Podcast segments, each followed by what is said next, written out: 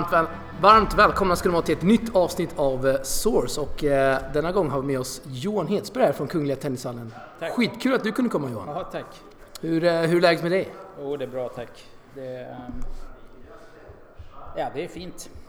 Hur har eh, dina arbetsuppgifter sett ut under den här senaste veckan? För jag, jag har ju sett dig här i hallen. Mm, ja, under de senaste tio dagarna så har jag hjälpt eh, Micke Ymer då, med förberedelse först under, innan tävlingen och sen så jag, har jag varit med honom under tävlingen. Och idag och imorgon tänkte jag kolla Pires pokal, se på lite av de yngre killarna i sven- några av de yngre killarna i svensk tennis. Och så fick vi se dig här i eh, Viasat-studion också. Hur var, hur var det? Mm, ja, det, hur var det? Det var, ja, det var som, eh, jag vet inte vad jag ska säga, det var, jag fick några frågor. Så att, eh, försökte svara på dem så gott jag kunde. Var det, var det bra ställda frågor eller? Ja, det, det var det väl säkert alltså. Det, det är väl inte min, det ska inte jag, det utgår jag från att det var för att eh, man frågar ju det man är intresserad av så, så då, då är det bra. Och det är svensk tennis antar jag att det var, kanske lite om. Det var lite svensk tennis, eller det var mycket svensk tennis såklart alltså. Ja, det är lätt att eh, vi som, eh, som bevakar den här sporten lätt hamnar i den fällan och diskuterar svensk tennis och vad ska bli bättre. Och Det kanske, kanske är dumt att älta det så mycket. Nej, alltså det är ju, i grunden är det ju en bra, är det en, är ju, för det första är det ju intressant att folk vill ställa den, för det betyder att man har ett engagemang kring det. Så på det sättet så är det ju alldeles, eh, alldeles utmärkt. Eh, eh. Sen så, som, som jag har sagt någon gång förut, eller många gånger förut, sen så är det ju ruskigt bra om, om, om vi alla sen kan liksom jobba på med det vi håller på med, för det tror jag är det absolut bästa sättet att eh, att försöka göra en skillnad alltså. Det, det där är... Allt tar tid alltså. Så att, eh, jag tror ingen har ett trollspö heller så man får, man får försöka jobba mycket. Det man är intresserad av det orkar man jobba mycket på och det man orkar jobba mycket på det blir man till slut ganska bra på. Så att, eh, ehm, kan man göra så, kan man tänka så, så kommer du sen kanske i en situation ha, vad ska jag säga, lite tur. Att du träffar någon eller några som, som har osedvanligt mycket läggning för tennis och då blir det resultat. Så tror jag att man ska tänka så, eller så, så har det fungerat för mig att tänka när jag har jobbat. För att eh, ibland jobbar man med sådana som inte har så himla lätt för sig.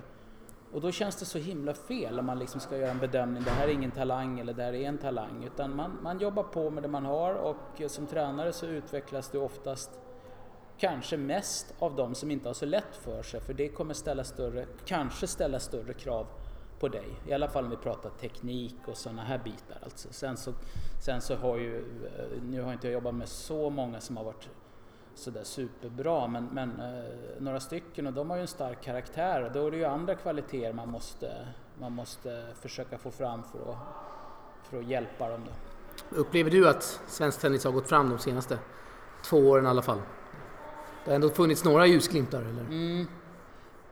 Alltså, fasen, det, är ju, det är ju konstigt att jag svarar så att jag inte knappt vet men Ni gör ju mycket bra grejer på Good to Great till exempel. Ja, jag, Ja. jag försöker bara du vet se det. Vissa, ibland går det fram, ibland går det lite bak och förhoppningsvis är det två steg fram och, och ett steg bak då, så det är inte två steg bak och ett fram för då blir det ju då blir det nedförsbacke. Så att, eh. ja, jag vet, ja, jag vet inte hur, hur man ska se på det där men eh, det, det kan man säkert se och man kan kolla ranking och, och, och säga att vi har gått framåt. Det, det, men det verkar i alla fall, Got to Great försöker ju. Vi försöker ju jobba på där allihop, tränarna och de som hjälper till och, och, och få fram sponsorer för att det ska funka. Och Tennisförbundet känns ju också som att de, de, de jobbar på, de har ett, ett, ett bra gäng där som, som försöker. Jag, nu har jag inte varit i klubb på länge men jag, jag hör att folk säger att det, att det är mycket, mycket bra som händer. Det är säkert mycket dåligt som händer också, jag vet inte men återigen, det är, ja, vi, får, vi får bara försöka så får vi se vad som händer. Ett komplext, komplext ämne kanske. Ja, det är superkomplext. Det är superkomplext och, och, och tillbaks till ruta ett. Alltså jag, jag, ah, i alla fall som tränare, jag vet inte fasen hur mycket man ska hålla på och tänka för mycket sådär. Man, man jobbar, men jag tycker Mats Wilander har sagt det så, så ruskigt bra. Han sa någon gång alltså att du går inte skolan för att bli eh, professor, utan det är någonting som du upptäcker efter ett tag. Och på samma sätt menade han att du spelar inte tennis för att du ska bli proffs, eller börjar inte tennis för att du ska bli proffs, utan det är någonting som du märker efter x antal år att det här passar ju mig osedvanligt bra och, och jag har intresset för det. Jag, jag gillade den, den raden han sa, för då, då blir det på något vis, då jobbar man vi får lira och träna och köra på så får vi se. Några kommer tycka att det här är, är, är så bra så att vi, vi ska bara köra vidare. Så. Ja, härligt. Vi ska backa bandet. Eh, när var det du bestämde dig för att bli tränare och hur började din resa? Började ganska tidigt. Eh, jag, jag tror jag hade intelligensen att inse att eh, nej, någon, någon, spelare kommer jag inte bli alltså. Det tror jag insåg rätt tidigt. Så, så, ehm, och sen blev jag lite intvingad i att bli tränare från början. Alltså det var något sånt här, spelade man, jag är uppifrån Skellefteå, spelade man i A-laget där så var man tvungen att ha en grupp. Och eh, den tog jag mig an först säkert lite sådär som man gör när man är lite yngre, tyckte väl. Men sen såg jag ganska snabbt att de här killarna, de har ju, jag tyckte jag såg någon typ av potential i dem och, och, och tyckte det var rätt roligt alltså. Fick ganska snabbt en sån här känsla att de här, de här ska jag göra, göra bra. Så det, det rullade på lite där. Och, och sen så, jag jag älskar tennis och det vart väl ett sätt för mig att få vara i den miljö som jag älskar, som är tennisen. Kul och eh, jag måste fråga dig, har du, har du mött fördomar i, angående ditt tränaryrke om att du, du inte har varit en tidigare, tidigare spelare? Så att säga? Ja, ja det, nej, jo det har jag säkert, eller det, det, det, utgår jag från alltså. Så att, eh, är det någonting du har hört sådär på vägen? Eller? Ja, det har jag väl hört någon gång alltså. Det, wow. så att, eh, så, vad känner du kring det? För? Ja, alltså, vad, alltså alla måste ju få tycka vad de, eh, vad de vill. Det är ju inte, det är inte upp till mig att, att bestämma vad andra tänker och tycker och det är inte heller upp till mig att ge mig eh, de jobb som jag har fått utan det är ju, det, är ju, det blir ju som det blir alltså. Så att, Tror du att det finns en generell uppfattning om att kanske tidigare ex-proffs kan, eh, kan det mesta kring just tränaryrket? Det tror jag.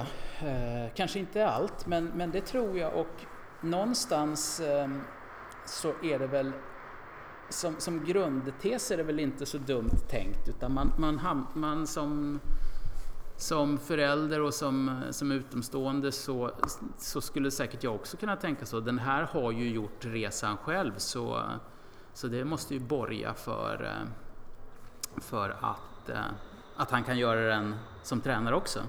Så som tanke är det väl inte helt fel. Alltså det, det är aldrig, jag tror aldrig eh, det är en nackdel att ha, ha, ha, spelat på en bra nivå. Det tror jag alltid är en fördel. Men, men jag tror ju att um, du kan, om du är tillräckligt intresserad och tränar upp ditt öga och utbildar dig och, och ser massor av matcher, tränar massor tränar massor av, av träningar så tror jag att du kan eh, kompensera den, den, eh, vad ska jag kalla det för, den bristande erfarenheten och utbildningen eh, som en spelare har. Å andra sidan så, så en spelare som håller på länge kommer ju bli han kommer ju vara så fullt uppe i det så att, så att vissa delar av tränaryrket kanske inte han har tid att ta till sig som, som du har om du får gå en annan väg så att säga. Det beror ju på. Tränaryrket har ju så många, alltså jag brukar säga att det, det går ju inte att säga att tränaryrket är ett, utan det är ju som att, jag drog den där någon annan gång, att det är som att bygga ett hus. Alltså det är olika kvaliteter beroende på, på ditt uppdrag alltså. Det, allt ifrån elit, en, en så kallad, jag gillar inte att säga elit med 14-åringar, men säg att en, en duktig 14-åring, han behöver ju inte det som Del Potro behöver. Nej. Eh, och sen att, att, jobba i klubb och det finns ju massa, det finns ju massa olika eh, vad säger, förgreningar av tränaryrket. Och nu när vi är inne på ämnet, vad, vad är du för att utveckla, utveckla dig själv som tränare?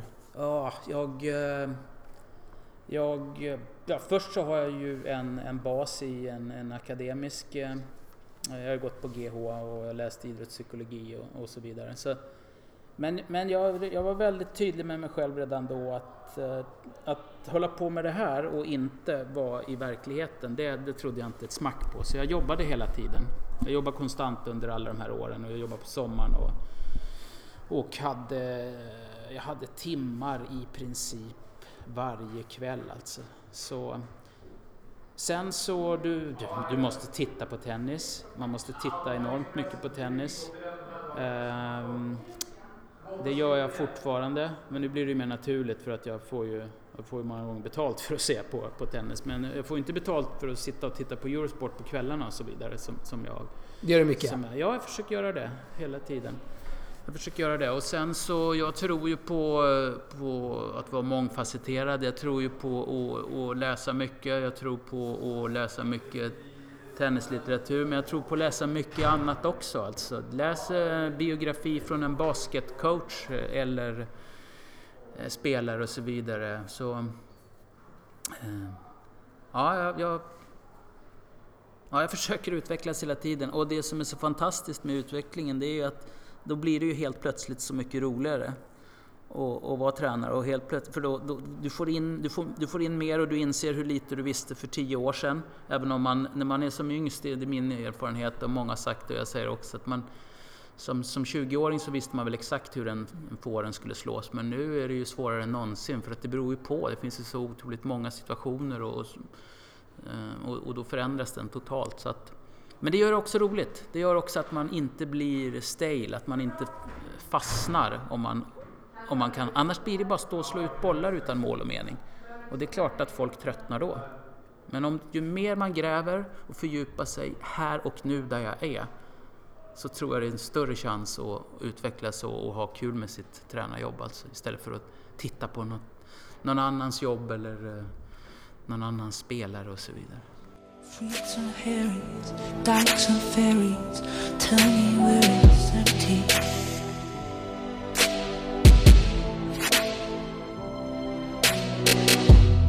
Stars feed the poor till there are never rich no more. Och när du kollar på en tennismatch, vad, vilka, vilka grejer du kollar specifikt på? Det beror nog lite på vad jag, vad jag, vill, vad jag vill titta på. Uh, jag försöker se... Men det, ja, det, som sagt var, det beror på. Jag, ibland gått i, i vågor, se hur rör han sig ut till forehandsidan, hur rör han sig ut till backhandsidan, vad är svingen, eh, är svingen annorlunda när han ska ut på sidan? Um, hur reagerar han efter vunna poäng? Reagerar han på samma sätt eh, mot två olika spelare? Har han en annan approach när han möter en, eh, en hetlevrad spelare än när han har en lugn spelare? Var servar han vid 40-15? Finns det ett mönster där? Finns det finns det ett mönster hur i hans grundslag. Det blir så mycket så att jag försöker liksom... Ibland tittar jag bara så här, du vet. Eh, bara njuter? Ja. Fast det, alltså det, det, krävs, det, det, krävs någon speciell match för att jag ska njuta. Alltså jag tycker det, tycker det är roligt. Jag tycker det är roligast att se, ja det är klart att det är roligt att se Federer och Nadal och de där, det är, det är klart. Men jag tycker nästan det är roligare att se de här Eh, Careno Carreno Busta och eh, kanske till och med Kevin Anderson nu. Jag menar att du vet, som, de har gått som, i förhållandevis har det gått eh, långsammare för dem alltså och det är jädra häftigt alltså att se hur, om vi tar Carreno Busta som exempel, att han, han får stryk av, av um, både Daniel Berta och Christian Lindell, jag tror det är två raka mot båda, mot Berta definitivt två raka i Junior Paris. Sen är han uppe och, och, och nu är han, eller var ett tag, topp 20. Helt fan. Nu är han på racet nästan, ja, men kvalificerar sig till London.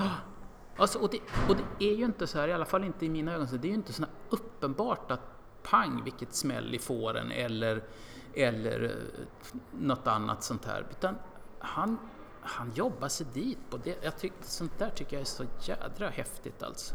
Det är de här krigarna ja, det gör jag nog kanske. Men jag kan också gilla de här. Men just de här som har byggt upp, alltså som har haft, och det gäller de väl alla, men det, det blir väl mer tydligt när de inte har varit, han har ju alltid varit bra om vi tar han som exempel, men Men att sakta men säkert så jobbar man upp och får ut max, verkar det som, av det han har i sig. För det, det måste väl till sist och syvende vara det, det det går ut på, både för, som tränare och som spelare, att försöka maximera det man har i sig. Alltså. Händer det att du kanske en fredagkväll in på småtimmarna tar, tar fram en stream och kollar lite tennis och analyserar när du har? Ja, tyvärr höll jag på att säga. Nej, alltså jo, det, det, det, kan snurra på ordentligt alltså i, i huvudet där alltså. För jag läste en intervju här med DI Weekend här som du mm. var med i att uh, du får problem, ibland får problem med sömnen och att hjärnan går på högvarv sådär. Ja, ja verkligen alltså. Vad, vad, vilka tankar florerar då kanske? Du vet, jag, mm, jag kan fastna i... Nej, men om det är något jag har fått för mig, att jag har sett uh, när, uh, bok, när byter en riktning, när i en viss... Då kan det där... Uh, då kan det, alltså, då jag kan vara rätt omåttlig alltså i, i hur jag förmodligen överanalyserar många saker och någon gång här och där får jag med mig något extra för att det var inte överanalysering, det var bara att man behövde tränga djupare in i det. Jag vet inte om det alltid är bra, men, men ibland som tränare så är det nog bra. Då brinner man ju för sitt yrke minst sagt. Ja, det, det tror jag jag gör. Det, det måste jag nog säga. Och eh, i samma intervju så säger du att tennis handlar om taktik och matematik. Kan du, kan du utveckla det? Ja, den blir ju lite... Den är väl lite tagen ur sitt sammanhang, men, men ändå inte. Nej, men jag tycker att eh, om, om, om, hårdraget så i en perfekt värld så någonstans vid 12-13 så förhoppningsvis så finns det en sån funktionell basteknik så att man här kan börja liksom hitta, börja jobba med, med spelmönster, alltså hitta olika, eh, att använda sina slag i olika situationer. Och, och kan du göra det det är min filosofi då. Men då, då så... Då kommer motståndaren få svårt att slå dig. Då kommer motståndaren bara kunna slå dig om han slår lite hårdare lite mer skruvat. Om han själv har samma kvalitet i, i placeringen alltså. Då upplever man att Mikael Ymer är en sån schackspelare så att säga. Har du, är det någonting du har fått fram till honom eller någonting som han kanske har byggt upp själv genom, genom åren som, som junior? Ja, han är ju Mikael är ju så, han är ju på ett sätt den perfekta eleven genom hans, eh, jag säger ordet elev för att mot han kan man tycka jag vara lärare för att grundtesen är att eh, eh, spelaren vill lära, tränaren vill lära ut. Så, så ja, men vi har jobbat mycket med det. Vi har jobbat mycket med, eh, med det du säger, lite schackaktigt. Och, och eh, jag har väl ibland föreslagit saker och sen har han kunnat bygga på det och sen har jag kunnat bygga på det med honom. Så vi, har, vi, vi hade och vi hade väldigt eh, givande diskussioner om det här hur man, hur man försöker bygga upp olika ja, schackmönster. För det är ju det, alltså i, i förlängningen är det det. Slår jag dit så vet jag att det här och det här förmodligen kan hända. Och eh, det tredje alternativet är sån stor risk så jag kommer täcka de två andra alternativen. Och kan man tänka så då, då tror jag att det finns mycket jag tror det finns mycket att vinna.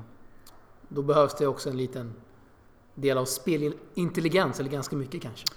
Ja, både och alltså. Det, det är klart. Kan man träna upp det helt? Ja, alltså jag tror du kan... Kan du få hjälp med de här mönstren så tror jag du kan...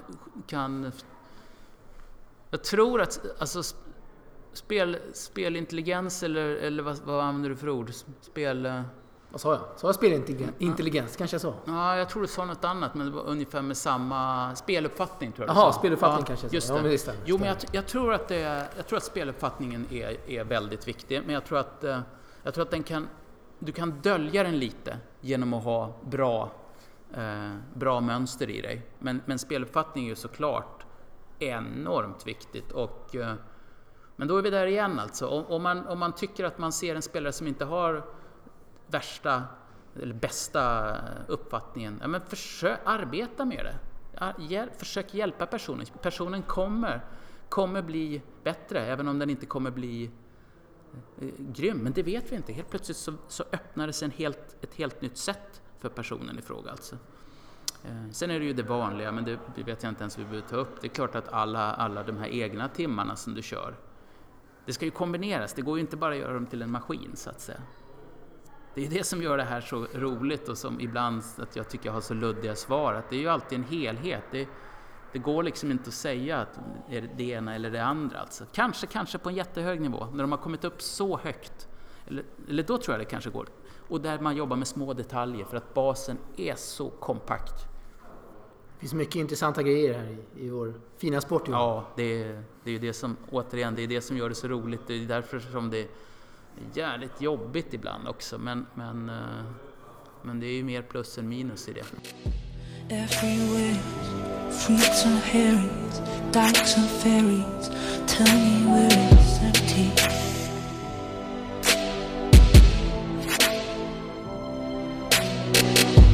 Tax feed the poor, till there are never rich no more.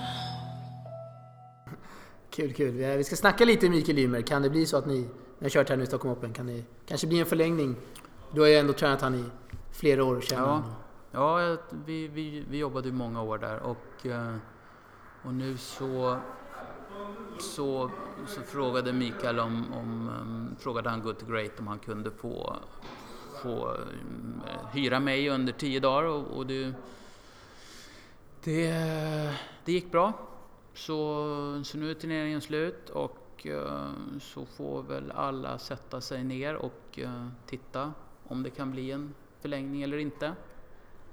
Kul och han var ju minst sagt nära på att vinna där mot Mischa Sverv. Hur ser du på den, den drabbningen?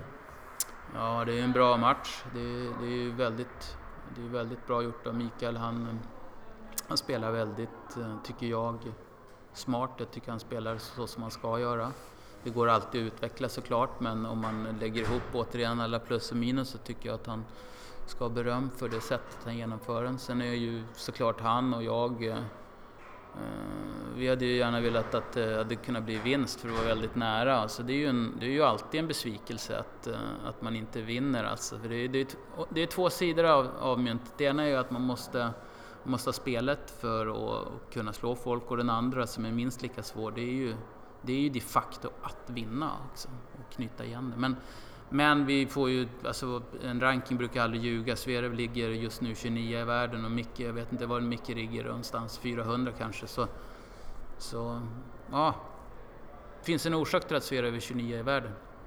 Det kändes som att Mikael Limmer kom väldigt väl förberedd. Han visste att han visste om Mischa Svervs styrkor och det blev eh, en hel del lobbar också. Mm. Uh, hur mycket hade ni scoutat Mischa Sverige och gjort upp en gameplan så att säga? Ganska mycket skulle jag säga. Och uh, i detaljer, hur, hur går en sån plan till? Kollar man YouTube? Och... Ja, man kollar YouTube och sen så sen uh, om man har, om man har några vänner som, som som vill och kan dela med sig någonting som de har sett så frågar man dem.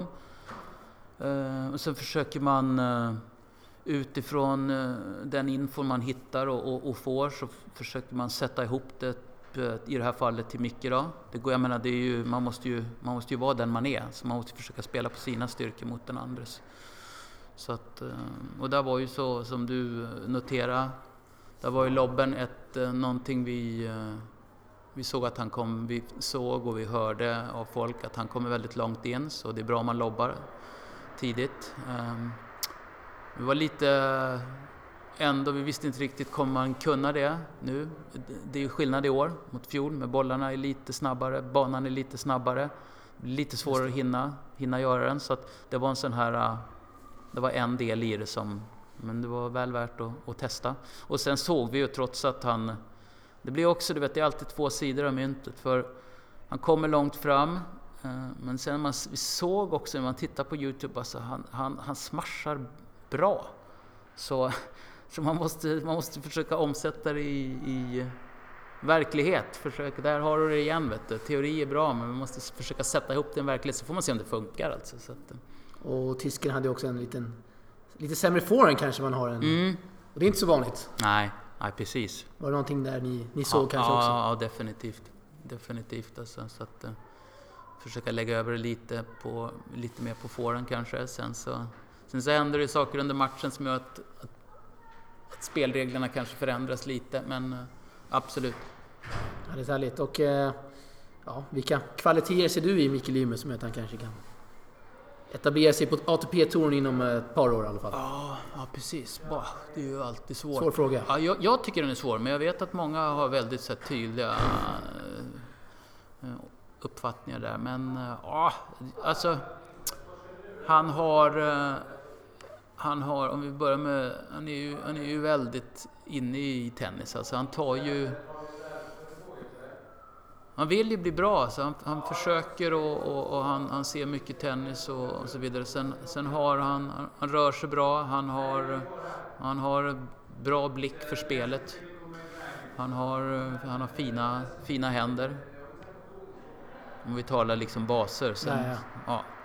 Och eh, brorsan Elias, hur mycket har du sett av han här under, under veckan? Ehm, hyfsat mycket. Jag hade, först hade jag Elias i, under Davis Cup, under sista Davis Cup-matchen. Det hade han under näst sista också.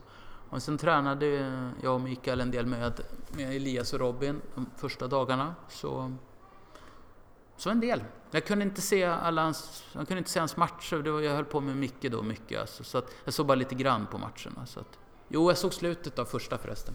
Kommer jag ihåg nu. Ja.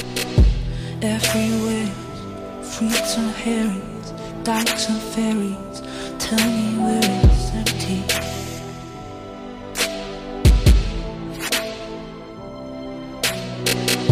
Tax the rich, feed the poor, till there are never rich no more. Vi ska ta lite Davis Cup. Eh, det måste vi göra här när vi ändå har eh, kaptenen med oss. Eh, ja, fin inledning på, på ditt jobb måste jag ändå säga. Ja. Du är väl obesegrad? Ja, Eller ni är, Ja, ja, vi är det. Precis. Nej, det, vi, man får ju alltid vara ödmjuk. Man ska alltid vara glad när man vinner, men man ska inte vara för glad och man ska inte vara för ledsen när man förlorar. Lättare sagt än gjort. Det är oftast lättare att vara mer knäckt när man förlorat, än, i alla fall för mig, än att vara glad när man vinner. Men, men eh, ja, det är ju grymt vet du. Med, tre, med tre olika lag dessutom. Och vinna tre, tre matcher. Vi har haft så mycket spelare som har varit med och gjort ett grymt jobb. Alltså, som jag har sagt några gånger, alltså, vi mötte Tunisien i första. Tunisien är, är, de är superbra. Alltså, de, har, de har Yassiri som var en topp 50 då, det är han säkert nu också. En mycket, mycket gedigen dubbelspelare. Ehm, och av olika orsaker så, så, så har vi rankingmässigt inte de spelarna som, som ligger högst i Sverige på, till singeln. Så alltså vi, det kunde, vi kunde ju ha varit utslagna i ehm, dag två där mot Tunisien, men, men killarna gör det ju brutalt bra alltså. Brutalt bra. Så, att, så vi, lyckas, vi lyckas vinna den där och sen så lyckas vi vinna mot Turkiet också. Turkiet är ju också ett jättebra lag alltså. Så, så äh, de, är, de har varit På bortaplan dessutom. bortaplan Båda båda, matcherna. Och de som har varit med mycket sa att Tunisien var nog de här äh, veteranerna i sammanhanget sa att det var det värsta de hade varit med om. Liksom. Republik. Ja, så det var, det var riktigt häftigt faktiskt. Jag trodde inte jag skulle tycka det var så häftigt, men det var coolt. Det var liv och gap och de jublade på, och- de jublade på dubbelfel och höll på. Så det, var, det, var, det var som en kamp alltså. Det var, det var kul. Gjorde du då? Eldade du, försökte du elda upp dina spelare där? Och Men körde ibland, brandtal och... ibland och ibland tvärtom. Bara ta det lugnt, ta det lugnt. Det berodde lite på vart vi var i matchen så att säga. Och eh, är det någon eh, specifik spelare eller spelare du vill... Flera spelare som du vill kanske eh, lyfta fram här under, under matcherna i Davis Cup som vi gör? Ja, ja det skulle jag verkligen vilja. Ehm, åh, du vet, alla som har varit med har ju varit grymt viktiga. Så jag jag vet att jag sa det efter sista matchen att det, det, är, ju- det är rätt att hylla de som var med mot Litauen, men de, de andra som, som var med mot Tunisien och var med mot Turkiet var ju, det var ju helt grymt. Jag menar, alltså, om vi tar eh, Eh, Tunisien-matchen så, så vinner både Patrik Rosenholm och eh, Isak Arvidsson i fem set mot den där publiken. Ja, det, det, det är super alltså. Superbra. Dubben är... Alltså det var helt otroligt hur, hur de spelar. Och Brun, Brunström är sjuk dagarna innan. Du vet, det, är en, det är inte en timme, det är en kvart innan, innan laget ska in. Så, så får jag och Jonas sitta med eh, Brunström och säga, alltså, hur, hur, ska vi anmäla dig till laget eller, eller ska vi plocka dig? Alltså? Så det är så skört där alltså. Och han, han, han, han, han hostar och sen så, oh men vi, vi kör alltså. Och, eh, och det, var ju, det är ju jobbigt som fasen att, att vara sådär sjuk och sen gå in i en sån. Men han gör det bra. Eh, Siljeström gör det outstanding. Det första setet där i Tunisien, det, det, är, det är så bra så att det liknar ingenting. Alltså. Så, så hela, det, hela det laget, alltså det är ju fantastiskt. Kommer till eh, Turkiet, eh, match nummer två, då, har, då är singelspelarna utbytta medan Sillen och eh, Bruno är kvar i dubbeln. Sen har vi tagit Elias och Christian. Um, och det är samma visa där, där, där är ju då, börjar ju då Lindell mot, mot deras första kille. Och den tydligheten han har innan match, vad han ska genomföra och, och det sättet han genomför det med, framförallt ja, i hela matchen, men, men den tonen han sätter i första inledningen av matchen, det, det kan avgöra hela matchen tror jag. Det är så bra gjort alltså. Så, och, sen, och, och Elias gör det också bra. Så att där har vi ju liksom där har vi några nya hjältar alltså. Där kommer inte Bruno och Sillen riktigt upp i samma nivå. Men, men vad gör väl det när vi vinner ändå med, med, eh, med 4-1? Så nej, där, det är ju grymt. Det är ju grymt. Ja, och sen har du ju tredje matchen. Då, är- då, det, var jättes, det, var, det var- det var på ett sätt var den svåraste matchen att välja ut lag för Sillen och Bruno har gjort det så bra.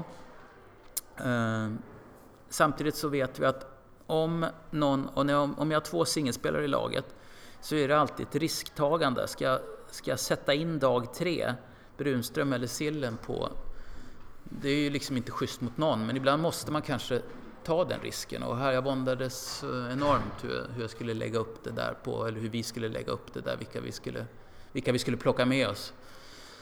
Så, eh, men vi tog efter mycket om och men då, så, så bestämde vi och vi funderade till och med, vi kanske inte ska ha någon dubbelspelare alls. Vi kanske bara ska köra med fyra singelspelare för då kan vi ju laborera hej vilt under de här äh, tre dagarna. Så, så, så det var verkligen inget, för mig var det verkligen inget lätt eh, beslut. Men, men någon gång måste man ju som bara ta ett beslut då. och då, då valde vi att, ha tre, tre mer, mer renodlade singelspelare och en dubbelspelare. Och, och vi, du vet, vi, vi, försöker, vi försöker se, det är ju, det är ju, i och med att det är lag, även om det är ju det är lag och det är inte lag, för att de står ju själv på banan när de väl är uttagna.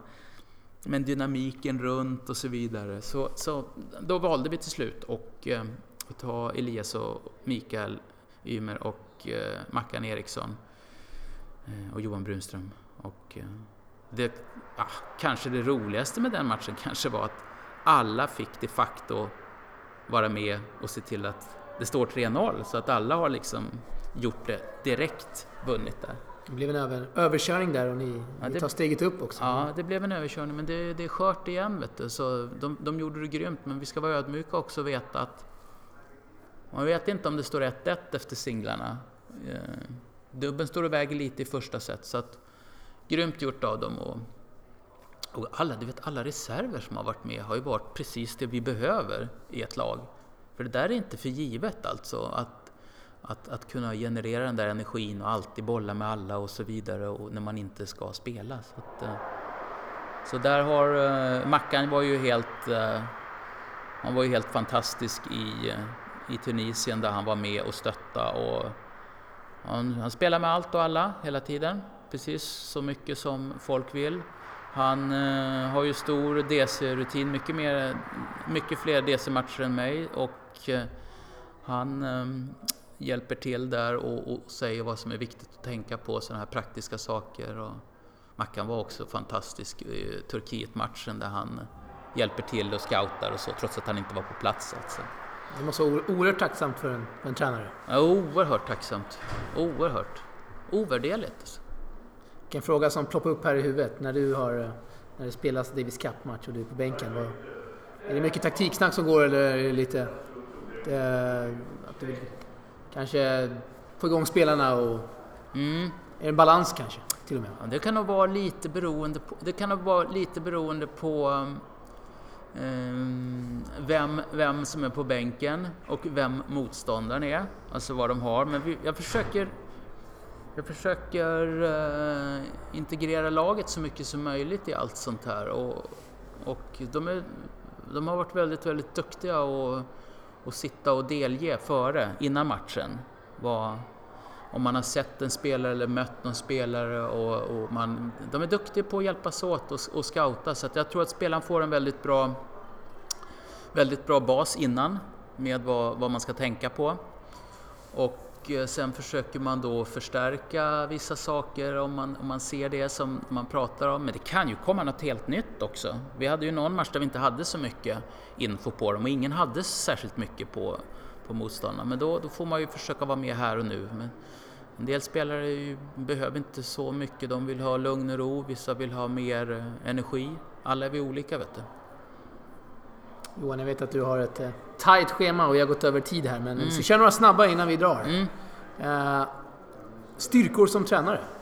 Får du skryta lite här. Ja, ja det, alltså, det ska ju egentligen någon annan svara på. Jag brukar säga det ibland att jag vet, alltså, jag vet inte riktigt. Det borde egentligen spe, de som jag har haft svara på. men, men ja, alltså, jag försöker, eh, jag försöker, jag vet inte om det är en styrka, men jag försöker, jag tror ju på kommunikation. Jag tror att jag tror ju, eh, utan kommunikation kan du aldrig komma åt. Du kan kunna hur mycket som helst, men du måste ju nå spelarna. Alltså jag tror att jag är skaplig på att försöka nå spelarna. Så...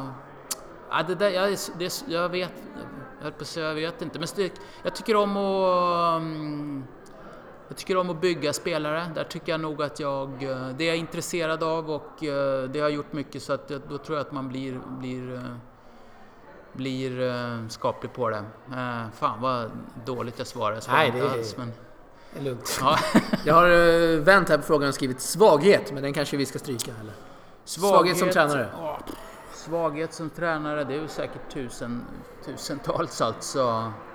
Ehm, ja, det, alltså. Jag tror att det, det beror nog också på, på vem du frågar alltså. Det beror nog på, jag tror det är lite vad, vad, vad spelaren vill ha alltså.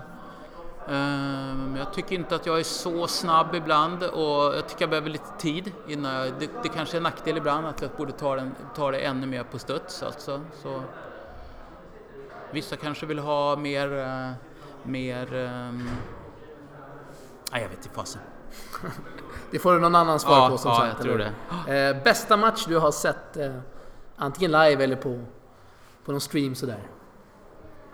Jag, kommer, jag vet inte, men uh, bäst, alltså en, om vi säger så här då. En match som jag av någon orsak har fastnat i, men som ofta kommer tillbaks, som jag ofta sa yngre när jag, när jag har jobbat med. Nu börjar den matchen kanske vara så gammal så att den kanske inte är aktuell längre. Jag vet inte. Men, Kör på. men eh, jag tycker ett av det, det bästa jag sett är eh, Nadal mot, uh, mot Jermo Coria i uh, Rom. Jag vet inte om du har sett den? En femsetare där. Jag som- tror jag har sett lite highlights från eh, Youtube. Eh, ses- Bra grustennis. Se hela. Du, Se kommer, hela, alltså. du kommer inte ångra dig Det en, blir en minut. kväll, lördag här nu. Ja, det jag tycker, det, okej, tennisen är lite snabbare nu, eller den är snabbare, de servar mer, men nej, den är, den är brutal alltså. Den, älskar den matchen. Nu blir jag sugen på att se den ikväll bara för att du sa att du skulle se den. Ja, det, det blir köpa popcorn här. Så. Ja. Eh, sämsta match då du har sett? Är det kanske någon, någon 0-0 i GM eller vad det, kan, vad Ja. det nu kan vara? Ja.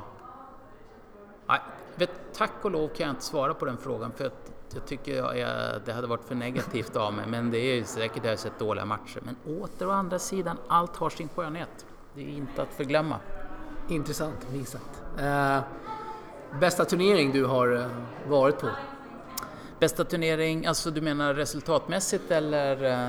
Ja, det kan vara både och. Kanske någon upplevelse, någon turnering som eh, tar hand om tränarna eller folket på ett speciellt sätt. Nej men eh, det, kanske inte riktigt bättre att svara men det, det upplevet, jag tycker jag har haft, jag har haft tur fasen. Jag har fått vara med, jag har fått vara sista dagen på alla junior-EM. Micke vann i, Micke vann i 14 års EM. Både Micke och Elias var i final i 16, Micke vann i 18. Den känns ju helt grym att jag har fått vara från första dagen till sista dagen på alla tre individuella EM. Det är en stor upplevelse för mig som, som, eh, som jag förstår att det är inte för alla, alla kommer inte som tränare få uppleva det, att ha sin spelare så långt fram. Alltså, från samma land, jag har inte bytt land heller. Så, att, så, så det, det, det, är en, det är nog en stor upplevelse för mig. Det var en stor upplevelse såklart att vara, få vara med Micke när han är i final i Wimbledon. Eh, det är klart, där kommer något som jag inte... Sen, sen så fick vi gå på den här banketten efter som jag knappt ville, för när, vi förlor, när han förlorade, lite dålig förlorare också, jag ville helst åka hem samma dag. Men där var Micke faktiskt lite smartare än mig, sa det är kanske inte, vi kanske inte får någon till chans här igen. Och det är inte så många svenskar som har fått vara på den, för det är finalisterna som får gå på den tiden. Så jag vet inte om jag njöt så mycket av den då, men det är nog en, det är en jätteupplevelse. Att, Hade du med dig kavajen i veckan? Nej jag, sa det, nej, jag sa det till dem där också. Jag har inga grejer, jag har ju bara, jag har ju bara overall med mig. Alltså. De sa att vi fick gå till någon där inne på Wimbledon. De gav oss en, eller gav, de lånade ut en smoking i våra storlek, skor, strumpor, allting. Det var... Fantastiskt. Ja, det var, med facit i hand var det nog en upplevelse, även om jag, jag är inte så mycket för sådana där saker, men det var det. Och eh, har du någon sån här skräck eh, hotellupplevelse? Dåligt hotell? Du ja, ja, ja, det har jag. Det har jag massor. Jag har massor. Någon som, någon som står ut? Står ut några i eh, Vitryssland ett år, kommer jag ihåg. Då jag hade alltså, supermycket feber också och det var, åh, det var som en, du vet, det var inte alls bra. Sen, det var nog på något, uh, det var nog på något lag-EM. Men sen så hade jag, jag vet någon gång, jag, jag var ju med Johanna Larsson under, under en period och jag vet, jag hade någon sån här idé om att hon att hon skulle må bra av att härdas och, och spela i Östeuropa. Då, och, och det var ju, kunde vara segt. Det var något ställe vi var på, jag kommer att hon sa till slut att äh, men Johan, det, det måste bli slut på det här. Och, och, jag vet att jag själv, om jag nu sa det eller bara tänkte det, kommer jag inte ihåg, men att jag höll med liksom. men hon tog ju steget över sen, så, att, äh, så det kanske var något bra med det där, jag vet inte. skönt, skönt. Eh, sämsta flygresa då? Eller värsta kanske? Um, du, bara, du har kanske bara upplevt eh, härliga nej, flygningar? Nej, det har jag verkligen inte. Frågan är vem som har varit värst av dem. Men, ja, men i, vet, i vissa sådana långa kan ju vara sega och sen så har jag haft något sådana här med här rejäla eh, luftgropar där man helt ärligt har funderat att, jag menar vi vet ju alla att livet ska ju ta slut någon gång och jag vet att någon gång har man tänkt att, det är ju säkert jag som överdriver, men man har ju tänkt att du vet, det är sådana luftgropar och folk börjar gapa så att man tänkte, tänk om det tar slut nu. Det är shit, det är alldeles för tidigt. Det vore jobbigt. Det, det, hade, då kändes det som det var alldeles för tidigt alltså. ja, nej, eh, stort tack Johan för att du kunde komma tack. hit och prata tennis och tränaryrket och lite andra grejer med oss här i, i Source. Ja, tack. Det var kul att få prata och mm, det finns mycket att säga om det och och ännu mer att göra. Så det är, ett, det är ett bra yrke om man tycker om det och gräver där man står. Titta inte för mycket på omgivningen, försök jobba med det du har. Det kommer löna sig, du kommer få andra jobb efter ett tag om du jobbar där du står. Visa ord Johan. Jag tror det. Och sista frågan, vad väntar dig här nästkommande månader och veckor? Eh, jag ska se Piddes pokal med 14-åringarna idag och jag ska se dem imorgon också tänkte jag. Sen eh, får vi se faktiskt. Jag ska ha något läge med de här yngre killarna, är det som är planerat och så ska jag vara på akademin. Så, så får vi se. Härligt, härligt. Och eh, ja, tack igen säger vi. Tack så mycket. Och eh, glöm inte att följa oss på sociala medier. Vi finns på Facebook, Instagram och Twitter. Håll utkik så hörs vi vidare. Tja!